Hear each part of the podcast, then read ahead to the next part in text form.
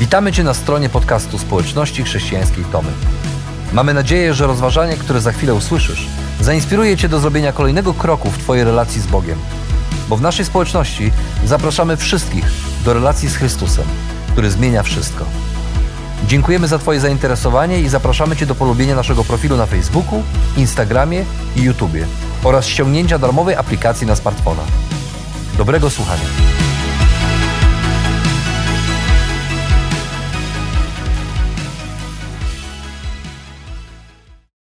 Prawda jest taka, że wszyscy umrzemy.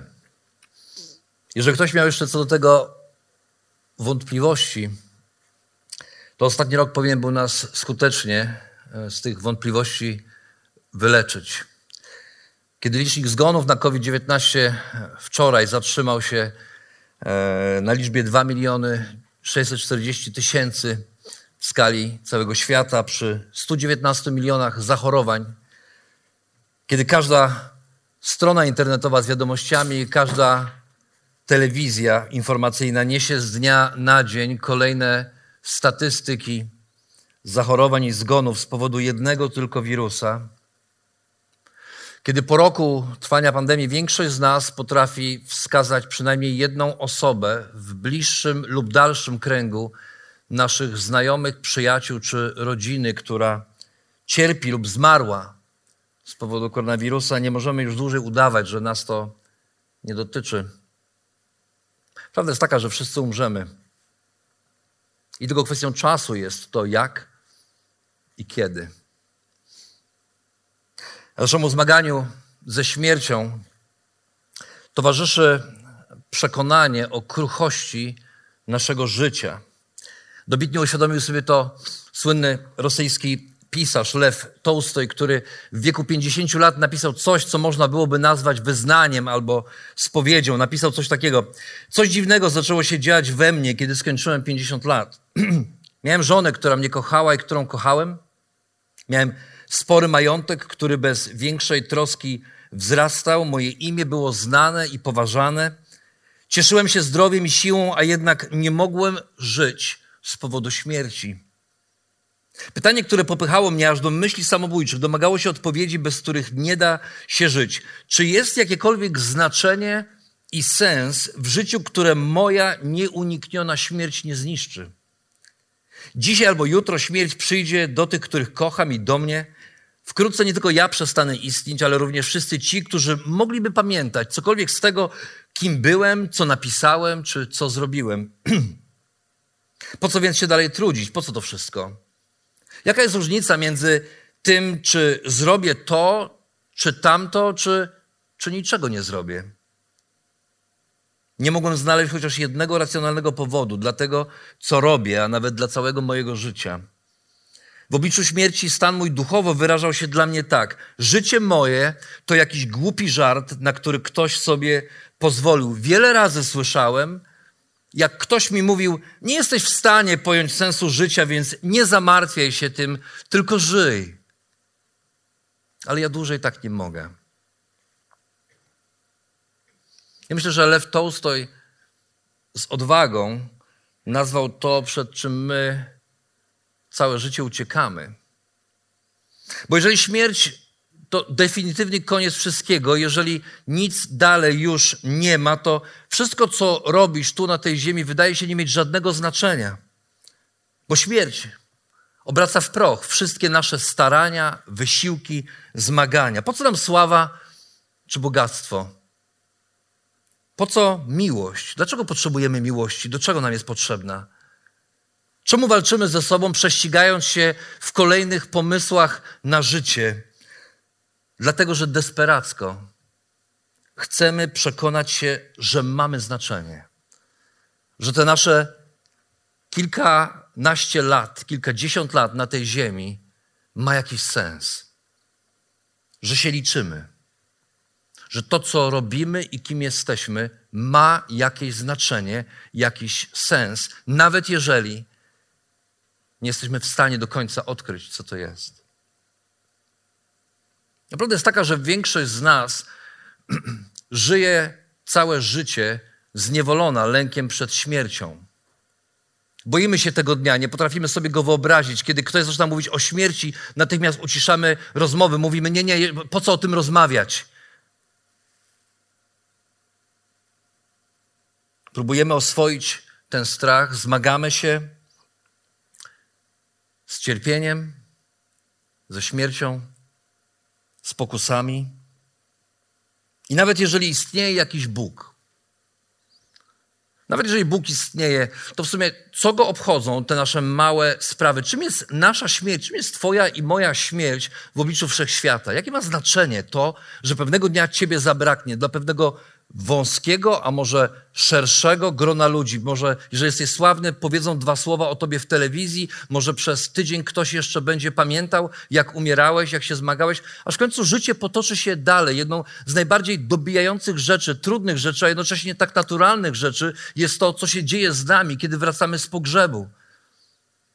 Chowamy człowieka, a potem idziemy coś zjeść, a potem rozmawiamy, a potem wracamy do codziennych obowiązków, bo życie toczy się dalej. I w pewnym momencie, nawet jeżeli w tyle naszej głowy zostaje pamięć o człowieku, którego właśnie pochowaliśmy, ta pamięć coraz bardziej blednie i blednie i staje się ledwie wspomnieniem przeszłości. Więc jeżeli tak jest z nami, to, to dlaczego Boga, jeżeli w ogóle istnieje Bóg, to po co miałoby go to obchodzić? Co znaczy jedno życie w obliczu wieczności, co znaczy jedno życie w obliczu miliardów ludzi na tej planecie. Autor listu do Hebrajczyków doskonale o tym wiedział. Wiedział, że takie są zmagania ludzkiego serca. Kiedy w pierwszym rozdziale swojego listu odmalował przed swoimi czytelnikami obraz wielkiego majestatycznego Boga, to pozostawił ich tak naprawdę w napięciu. Bo to dobrze się czyta, to, to piękna historia, to piękny obraz. Bóg jest wielki, potężny, jest majestatyczny, jest królem, jest panem, rządzi całą ziemią. Tylko jakie to ma znaczenie dla mnie? Prawda jest taka, że czytając, czytając ten opis, można by powiedzieć, że wizja wielkiego, potężnego i majestatycznego Boga jeszcze bardziej pogłębia przepaść między Nim a nami, bo zdajemy sobie sprawę z tego, że jeżeli On jest wielki, potężny i nieśmiertelny, a my mali, krusi, zmagający się z cierpieniem i śmiercią, to między nami jest po prostu ogromna przepaść. I dlatego w kolejnym rozdziale autor listu do Hebrajczyków pisze, Gdyż nie aniołom, pisze o Bogu, gdyż nie aniołom podporządkował przyszły, zamieszkały świat, o którym mówimy. Stwierdził to bowiem ktoś, kiedy w którymś miejscu powiedział, czym jest człowiek, że pamiętasz o nim? Albo syn człowieczy, że tak o niego dbasz.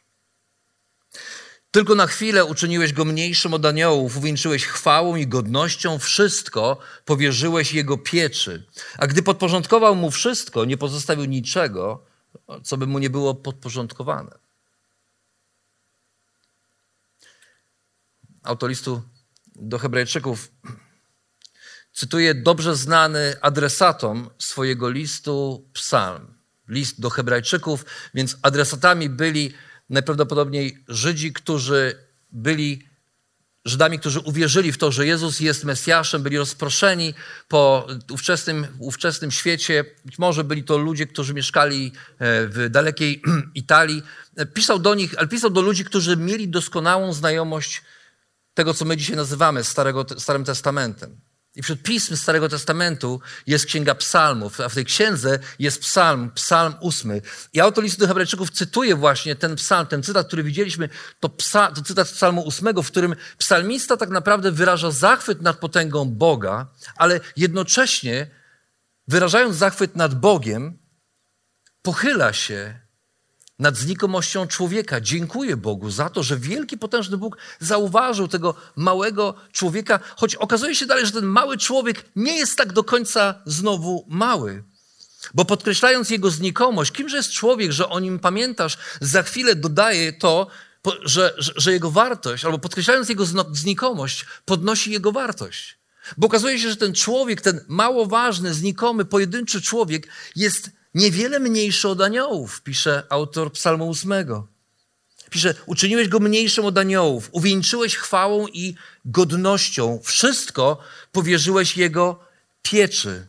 I zaraz dodaje, wszystko zostało nam, ludziom, podporządkowane.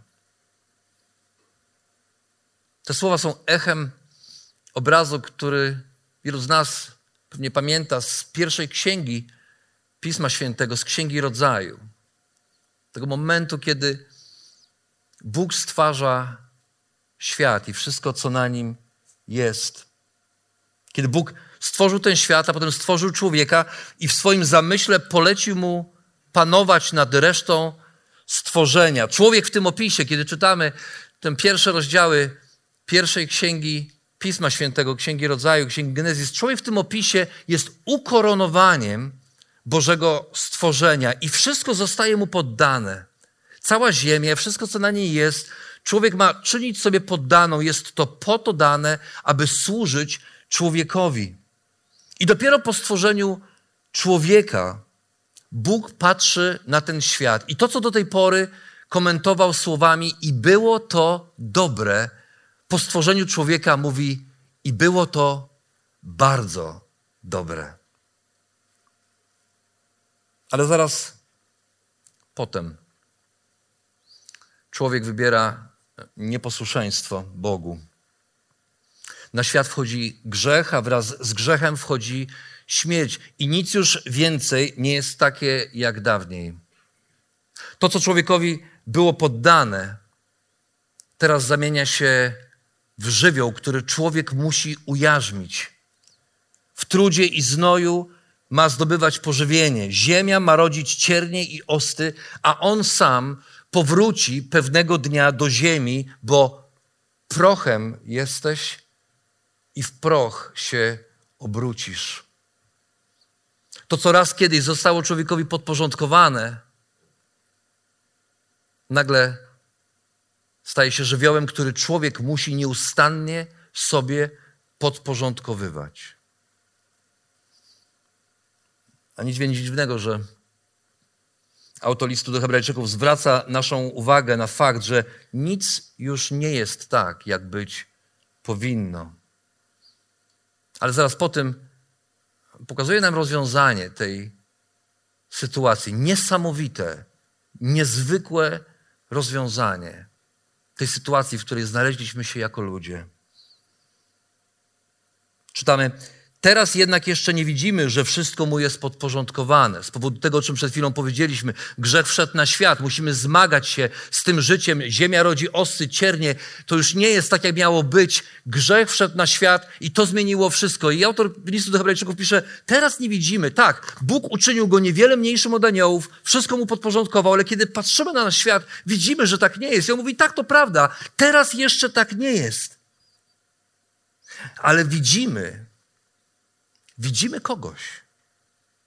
Widzimy raczej tego, który na chwilę został uczyniony mniejszym od aniołów. Jezusa. Jezusa. Ukoronowanego chwałą i dostojeństwem za cierpienia śmierci, po to, by móc z łaski Bożej zakosztować śmierci za każdego. Oto wielki Bóg wielki, potężny, majestatyczny Bóg wkracza w naszą rzeczywistość i widząc nasze zmagania z grzechem, z pokusami i ze śmiercią, w osobie Jezusa staje się jednym z nas. I kiedy patrzymy uważnie na to, w jaki sposób autor listu do Hebrajczyków opisuje Jezusa to widzimy, że są to dokładnie te same słowa, których użył wcześniej, cytując psalm, psalm 8. Tak jak o człowieku Bóg powiedział, że uczynił go niewiele mniejszym od aniołów, tak teraz opisując Jezusa, czytamy, że na chwilę uczynił go niewiele mniejszym od aniołów. Tak jak człowieka uczynił, jakby ukoronował go chwałą i dostojeństwem, tak samo czytamy, że i Jezusa ukoronował chwałą i dostojeństwem. Po co? Po to czytamy by móc z łaski Bożej zakosztować śmierci za każdego.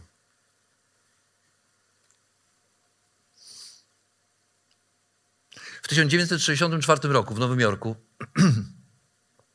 doszło do szokującego morderstwa. 28-letnia kobieta, Kitty Genovese, wracała późnym wieczorem do swojego domu w Kew Gardens, dzielnicy, która znana była z rozbojów i przestępstw.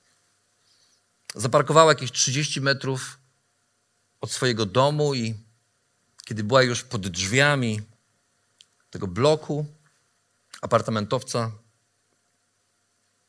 podbiegł do niej, podbiegł do niej uzbrojony w nóż mężczyzna. Dźgnął ją nożem, a ona zaczęła wołać: Boże, ratuj mnie, ratuj, pomocy, ratunku.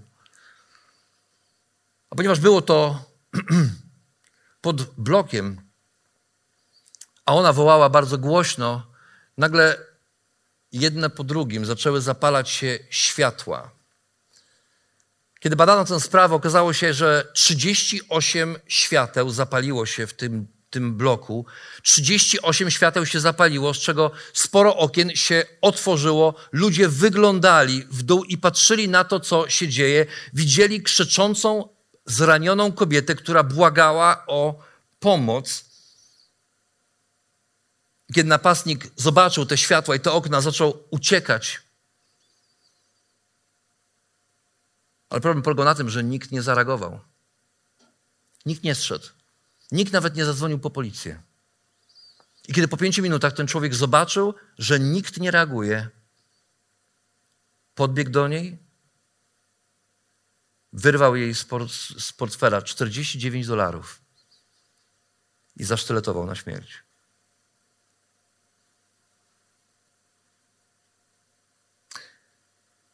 A wielki Bóg, widząc nasze zmagania z grzechem i śmiercią, nie pozostał tak jak tych 38 mieszkań, tych 38 osób, nie pozostał głuchy na nasze wołania. Wielki Bóg usłyszał nas, nasz przerażony głos.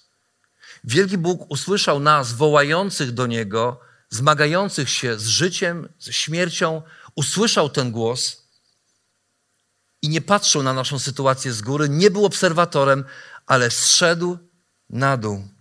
Stał się jednym z nas i nie tylko zaryzykował swoje życie dla naszego życia, on oddał swoje życie za nasze życie. Za każdego z nas. On nie jest Bogiem, który wprawił ten świat w ruch i tak sobie patrzy i przygląda się, jak my cierpimy i żyjemy tym swoim marnym życiem. Ale on spojrzał z góry, zobaczył, w jakim miejscu się znaleźliśmy, zszedł i zrobił wszystko, co trzeba było zrobić, aby nas w tej sytuacji uratować.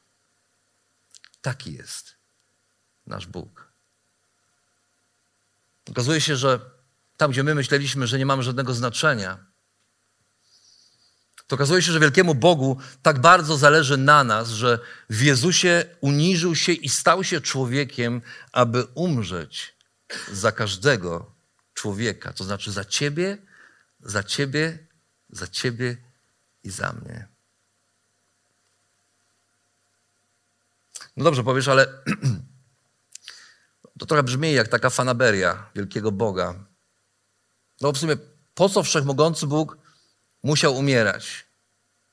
Że Bóg jest Bogiem jest wszechmogący, to czy naprawdę nie było innego sposobu na to, żeby rozprawić się z grzechem, ze śmiercią? Czy nie mógł czegoś innego wymyślić? Autor listu do Hebrajczyków pisze dalej, tak jakby słysząc nasze wątpliwości, i pisze tak: Przestało bowiem temu, z powodu którego dzieje się wszystko, i za sprawą którego się to dzieje, aby tego, który wielu synów doprowadził do chwały, sprawcę ich zbawienia, czyli Jezusa, udoskonalić przez cierpienia.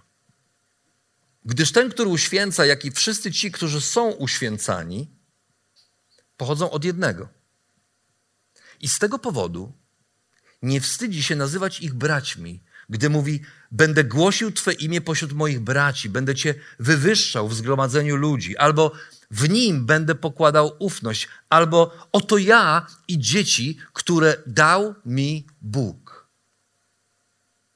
A ponieważ dzieciom przypadł udział we krwi i ciele, on również miał w nich udział, aby przez śmierć pokonać tego, który ma władzę nad śmiercią. To jest diabła. I wyzwolić tych wszystkich, którzy z powodu lęku przed śmiercią całe życie pozostawali w niewoli. William Hearst był jednym z najbogatszych ludzi pierwszej połowy XX wieku. U szczytu jego sławy majątek Williama Hearsta wart był ponad 500 milionów dolarów, a na wzgórzach północnej Kalifornii William Hearst wybudował wielki, potężny zamek, który stał się jego rezydencją. Do tej rezydencji zjeżdżali najznamienici goście hollywoodzkiej elity. Tak naprawdę w dobrym tonie było być zaproszonym przez Hearsta i spędzić tam weekend. I to, czy byłeś zaproszony, czy nie, e, świadczyło o tobie i, i podkreślało twój status jako hollywoodzkiej gwiazdy. Jednak w tym wielkim, potężnym, ogromnym domu człowieka, którego majątek wart był 500 milionów dolarów, była jedna rzecz, była jedna jedyna zasada, której należało przestrzegać z absolutną bezwzględnością. Ktoś, kto złamał tę zasadę, był natychmiast odprowadzany do drzwi i nigdy więcej nie miał prawa przestąpić progu posiadłości Williama Hearsta. Otóż nie wolno było w obecności Hearsta wypowiedzieć słowa śmierć. Hearst tak bardzo bał się śmierci, że kiedy jedno z drzew palmowych na jego posiadłości uschło, on nakazał swoim ogrodnikom pomalować liście na zielono, bo nie chciał patrzeć na coś, co mogło mu przypominać o śmierci. I kiedy wyjechał podczas jego nieobecności, natychmiast wymieniono to uschłe drzewo na żywe. A być może nasz lęk przed śmiercią nie przybiera tak karykaturalnych rozmiarów, ale w pewnym sensie, bądźmy szczerzy, wszyscy jesteśmy trochę podobni do Hersta. Zwłaszcza wtedy, kiedy unikamy za wszelką cenę tematu śmierci, albo udajemy, że nas ona nie dotyczy. Może innych tak, ale nas nie. Za każdym razem, kiedy ze zniecierpliwieniem machamy ręką i mówimy: przestań już gadać o śmierci, po co mamy o tym rozmawiać?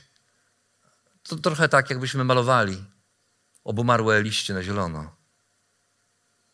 Albo kiedy rzucamy się w wir życia i próbujemy za wszelką cenę odsunąć od siebie temat śmierci, malujemy obumarłe liście na zielono. Udajemy, że tego nie ma. Prawda jest taka, że lęk przed śmiercią jest tak mocno wpisany w naszą codzienność, że nawet nie zauważamy, jak bardzo jesteśmy nim zniewoleni. I żeby wyzwolić nas z tego lęku, Bóg zrobił coś, o czym nawet nie potrafilibyśmy pomyśleć. Bóg postanowił udoskonalić przez cierpienia tego, którego nazywa sprawcą naszego zbawienia, czyli Jezusa. Otóż w Jezusie, Bogu, który stał się człowiekiem, w Jezusie zamieszkała cała pełnia człowieczeństwa. Jeżeli był człowiek do, do cna człowiekiem, to Jezus był tym człowiekiem w pełni swojego człowieczeństwa. A jeżeli tak jest, to okazuje się, że cierpienie jest nieodłączną częścią człowieczeństwa. Cierpimy nie dlatego, że Bóg nas karze, nie dlatego, że życie rzuca nam kłody pod nogi, ale cierpimy, bo w cierpieniu nasze człowieczeństwo, to, że jesteśmy ludźmi, dochodzi do doskonałości. Oczywiście uciekamy od cierpienia i nikt nikomu nie życzy cierpienia. Nie składamy sobie życzeń, mówiąc e, wszystkiego najbardziej cierpiącego. Ale to oczywiste, bo w cierpieniu nie ma niczego przyjemnego. Kiedy jednak zatrzymamy się trochę i przyjrzymy się swojemu życiu, okaże się, że to właśnie w chwilach, kiedy najbardziej cierpieliśmy, w najtrudniejszych chwilach naszego życia, byliśmy najbardziej ludzcy. To te chwile, trudne chwile z naszego życia, kiedy cierpieliśmy i nawet wydawało nam się, że cierpieliśmy w sposób niezawiniony, byliśmy najbardziej ludzcy. Nauczyliśmy się, dorośliśmy, staliśmy się jeszcze lepsi albo bardziej doskonali niż kiedyś.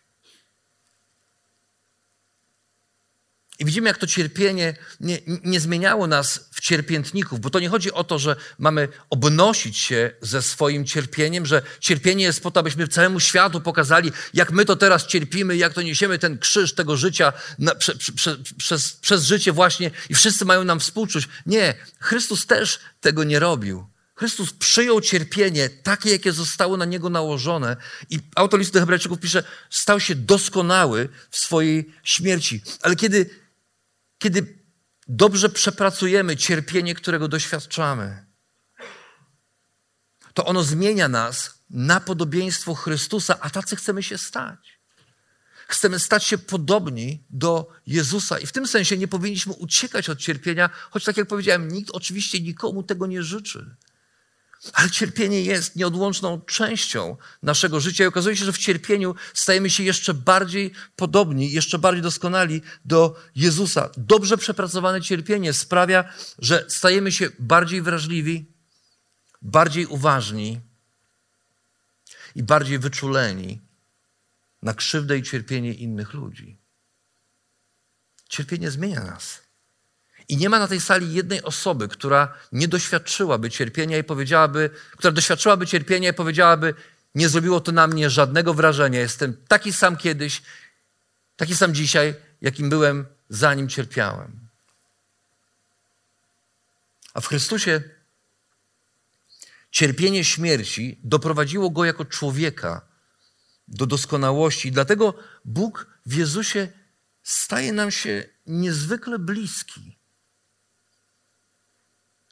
Do tego stopnia, że autor listu do Hebrajczyków cytuje psalmy i proroków, nazywając go naszym bratem. Ja nie miałem brata, ale mam troje dzieci, braci i siostry, siostry i, i patrzę na nich, myślę sobie, nie ma bliższego pokrewieństwa niż pokrewieństwo krwi, niż pokrewieństwo między bratem a bratem, bratem a siostrą. Nie można być bliżej ze sobą spokrewnionym niż brat z bratem. I autor listu Hebrajczyków używa tego obrazu, żeby pokazać nam, że Chrystus nie jest już tylko wielkim Bogiem, nie jest genialnym nauczycielem, nie jest tylko uzdrowicielem chorych. To są wszystko dobre rzeczy, ale sednem Jego obecności na tej ziemi było to, że stał się naszym bratem, takim jak my, z krwi i kości. A ponieważ śmierć można pokonać tylko poprzez śmierć i zmartwychwstanie, czyli unieważnienie naturalności śmierci, tego, że kiedy umieramy, nic już nie możemy zrobić. I unieważnić śmierć można tylko wtedy, kiedy umrzemy i okaże się, że jednak nie umarliśmy, że jednak żyjemy, że jednak to nas nie pokonało, nie rozpadliśmy się w nicość. Jezus musiał umrzeć dokładnie tak samo, jak umrzesz, umrzeć musisz ty czy ja. Jezus musiał umrzeć tak jak jego bracia z krwi i kości, bo, wszech, bo wszechmogący Bóg, wszechmogący, nieśmiertelny Bóg nie może umrzeć. Nieśmiertelny Bóg nie umiera, On żyje, On jest, On trwa cały czas.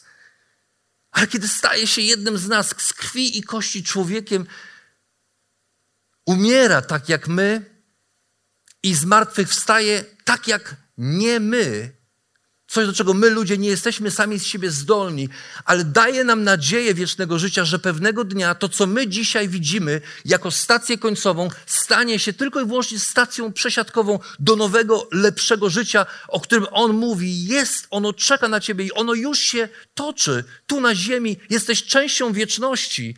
I możesz tę wieczność spędzić ze mną. Nie musisz żyć w strachu przed śmiercią. Nie musisz malować liści na zielono.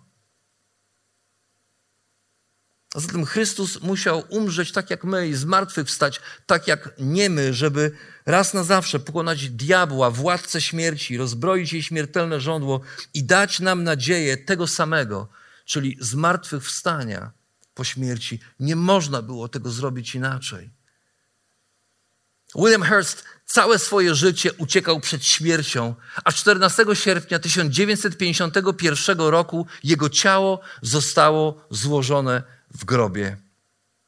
Malowanie liści na zielono nic nie dało. I my też umrzemy. Nie ma co się oszukiwać. Taka jest prawda. Wszyscy umrzemy. Ale nie musimy się już bać śmierci. Bo śmierć Chrystusa i Jego zmartwychwstanie uwalniają nas raz na zawsze od tego lęku i nadają wreszcie znaczenie naszemu życiu po tej stronie wieczności.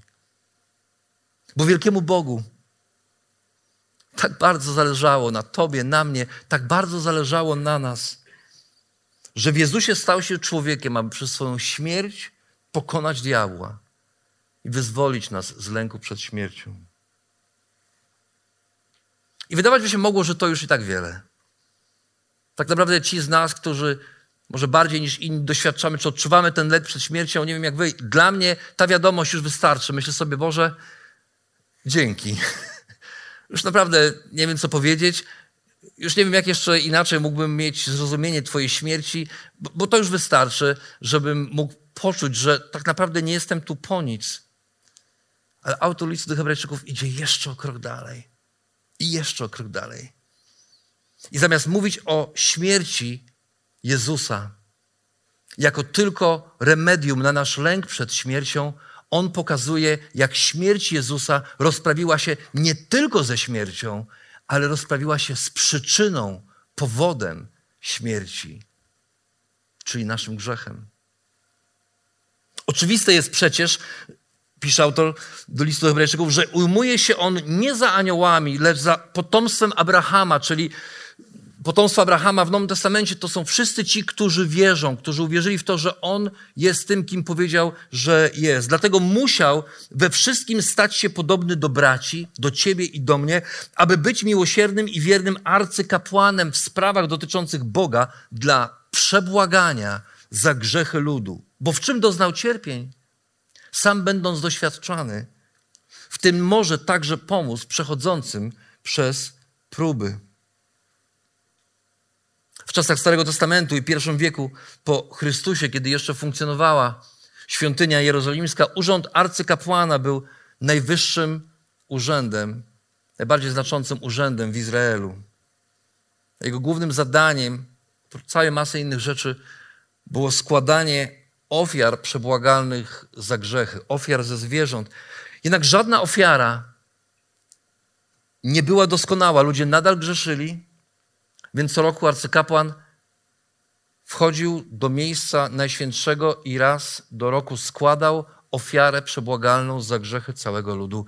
I tak w następnym roku, i w następnym roku, i w kolejnym roku. A ta ofiara, tu zapyta się, powie, no po co ta ofiara? Ofiara ze zwierząt było to nic innego, jak pewna forma, taka wizualna forma zapłaty za odstępstwa wobec prawa, które u, ukazywało Bożą sprawiedliwość i świętość. Bóg poprzez swoje prawo, prawo mojżeszowe, które dał, powiedział: Taki jestem, jestem tak święty i tak sprawiedliwy. I albo będziesz go przestrzegał, żeby być taki jak ja, albo spotkać się śmierć. I żeby nie spotkała nas śmierć za wcześnie, składano ofiary przebłagalne, błagając Boga, żeby, żeby przyjął tę ofiarę jako zapłatę. I Bóg przyjmował, co roku przyjmował kolejną, kolejną zapłatę. Ale Chrystus stał się człowiekiem jako doskonały człowiek, w którym zamieszkała pełnia człowieczeństwa z wyjątkiem grzechu, stał się ofiarą doskonałą za nas.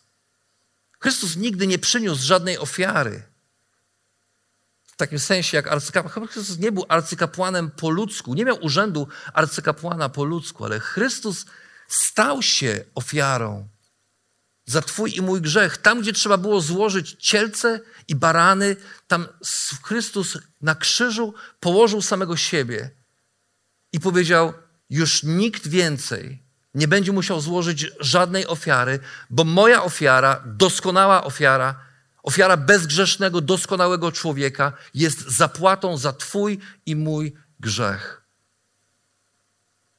I w ten sposób jego śmierć na krzyżu jako doskonałego brata z krwi i kości raz na zawsze zaspokoiła Boże pragnienie sprawiedliwości. Raz na zawsze prawo Boże zostało wypełnione. A jednocześnie, samemu doświadczając cierpienia tu po tej stronie wieczności, Chrystus wytrącił Tobie i mi ten ostatni argument, którego czasami trzymamy się w chwilach desperacji i wymachujemy tym argumentem jak zaciśniętą pięścią w Bożą stronę i mówimy: Co ty tam wiesz? Co ty tam wiesz? Nigdy nie byłeś w takiej sytuacji jak ja. Nie masz pojęcia, co to znaczy być oszukanym. Nie masz pojęcia, co znaczy być zdradzonym. Nie masz pojęcia, co znaczy cierpieć niewinnie. Naprawdę?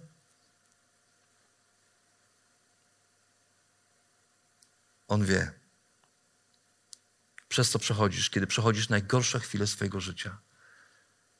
I nie tylko wie, to nie jest tylko kwestia wiedzy, ale On jest z Tobą w najciemniejszych, najtrudniejszych chwilach Twojego życia. Ktoś kiedyś powiedział, że Jezus stał się człowiekiem, ponieważ Bóg współczujący nie mógł cierpieć i brakowało mu pleców do bicia.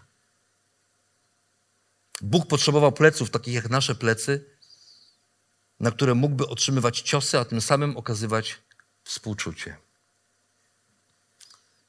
To dziwnie brzmi, ale jakkolwiek dziwnie to brzmi, w taki ludzki sposób, myślę, możemy opisać to, że Bóg potrzebował pleców, takich jak nasze plecy, żeby odczuć ciosy i zidentyfikować się z Twoim cierpieniem, z Twoim zmaganiem. On sam był kuszony i on wie, co to znaczy być kuszonym, kiedy jakiś głos w tyle Twojej głowy mówi Ci: Naprawdę Bóg powiedział? Naprawdę? Zrobisz inaczej, nic ci nie stanie. Nikt nie zauważy. On był zdradzony, dlatego wie, co to znaczy być zdradzony przez jednego ze swoich najbliższych. On sam cierpiał, dlatego wie, co to znaczy cierpieć. To cierpieć niewinnie za coś, czego nie uczynił. I dlatego jest obecny w chwilach próby, w chwilach pokus, w chwilach cierpienia, jest zawsze przy Tobie jest zawsze tak blisko. Jak tylko możesz sobie wyobrazić, Bóg może stać się bliski. Bo wielkiemu Bogu tak bardzo zależy na nas, że w Jezusie stał się człowiekiem, aby złożyć doskonałą ofiarę za grzech i być dla nas pomocą w czasie próby. W Stanach Zjednoczonych w Dallas mieszka pewien mężczyzna, bogaty biznes, biznesmen, w swoim domu ma podobno pewną mahoniową gablotę. Kiedy wchodzisz, ona jest bardzo widoczna, bardzo wyeksponowana. A w tej gablocie goście mogą zobaczyć starego, brudnego mopa. To dosyć dziwny przedmiot, jak na bogaty dom bogatego człowieka, położony w, w, w, widocznym miejscu. I wszyscy zachodzą w głowę, dlaczego ten mop leży w tak wyeksponowanym miejscu. Otóż wiele lat temu ten człowiek był porządkowym w szpitalu. Dostawał wszystkie prace, których nikt inny nie chciał i czuł się z tym bardzo źle. Zatem tego dnia był szczególnie niezadowolony, bo jego przełożeni dali mu dodatkową zmianę. Pracował ciężko, niezadowolony, znużony, zmęczony. I w pewnym momencie w szpitalu zapanowało poruszenie. Ale nic nowego. Pomyślał, no, to duży szpital, on zawsze, zawsze, yy, zawsze gdy dzieje się coś dużego, no to ten szpital y, działa w takim trybie kryzysowym, yy, więc to normalna sytuacja. Ale nagle ktoś złapał go za ramię i powiedział, weź swój mop i idź na salę operacyjną. Jest dużo krwi, musi się zetrzeć. On pomyślał sobie, to nie jest moje zadanie, ja sprzątam, ale nie na sali operacyjnej, potem to już jest w ogóle po godzinach, co ja tutaj robię, ale ktoś po prostu pchnął go w tamtą stronę i powiedział, leć na salę operacyjną. Więc poszedł. Szedł narzekając całą drogę, że będzie musiał robić to, za co mu tak do końca nie płacą czego nie chce robić. Ale to, co zobaczył na tej sali, mówi dzisiaj, i to, co poczuł, wycierając krew, zmieniło jego życie. Zobaczył cierpienie, którego nie widział nigdy wcześniej. I postanowił jakoś na to cierpienie zareagować. Zaczął wycierać podłogę, tak jak nigdy wcześniej tej podłogi nie wycierał. Narzekanie zniknęło, użalania się nad sobą nie było. Narodziło się w nim coś nowego. To był 22 listopada 1963 roku. A człowiekiem leżącym na sali operacyjnym, operacyjnej, krwawiącym z powodu rany postrzałowej, był John F. Kennedy, prezydent Stanów Zjednoczonych. Kiedy ten człowiek zobaczył niezasłużone cierpienie swojego przywódcy, mówi: To zmieniło moje życie. Często nie widzimy, jak potoczy się nasze życie, przez co będziemy musieli przejść, ale widzimy Jezusa, który przez krótką chwilę był niższy od aniołów, a teraz jest ukoronowany chwałą za to, że cierpiał za Ciebie i za mnie i oddał za nas swoje życie. Często nie widzimy, żeby świat wokół nas się zmieniał, ale widzimy Jezusa ponoszącego konsekwencje Twojego i mojego grzechu, i to nas zmienia. A ja nie mam mopa dziś, żeby Ci pokazać, ale mogę pokazać Ci krzyż. Jak dobrze spojrzysz na niego, to zobaczysz, że właśnie tam, na tym krzyżu, wielki Bóg pokazał Ci, jak bardzo jesteś dla Niego ważny. Jak wielkie znaczenie ma dla Ciebie Twoje, być może wydające się dla Ciebie nic nieznaczące i kruche życie. Jak bardzo ważny jesteś dla Ciebie, kiedy jest, bardzo ważny jesteś dla Niego, kiedy umierając za Ciebie i za mnie pokonał śmierć, nadał znaczenie naszemu życiu i sprawił, że już nigdy więcej nie będziemy musieli bać się umierania. Bo wielki Bóg stał się bliski i umarł za Ciebie, abyś Ty nie musiał umierać na wieki i mógł doświadczyć Jego obecności w swoim życiu, w każdej, nawet najtrudniejszej chwili swojego życia.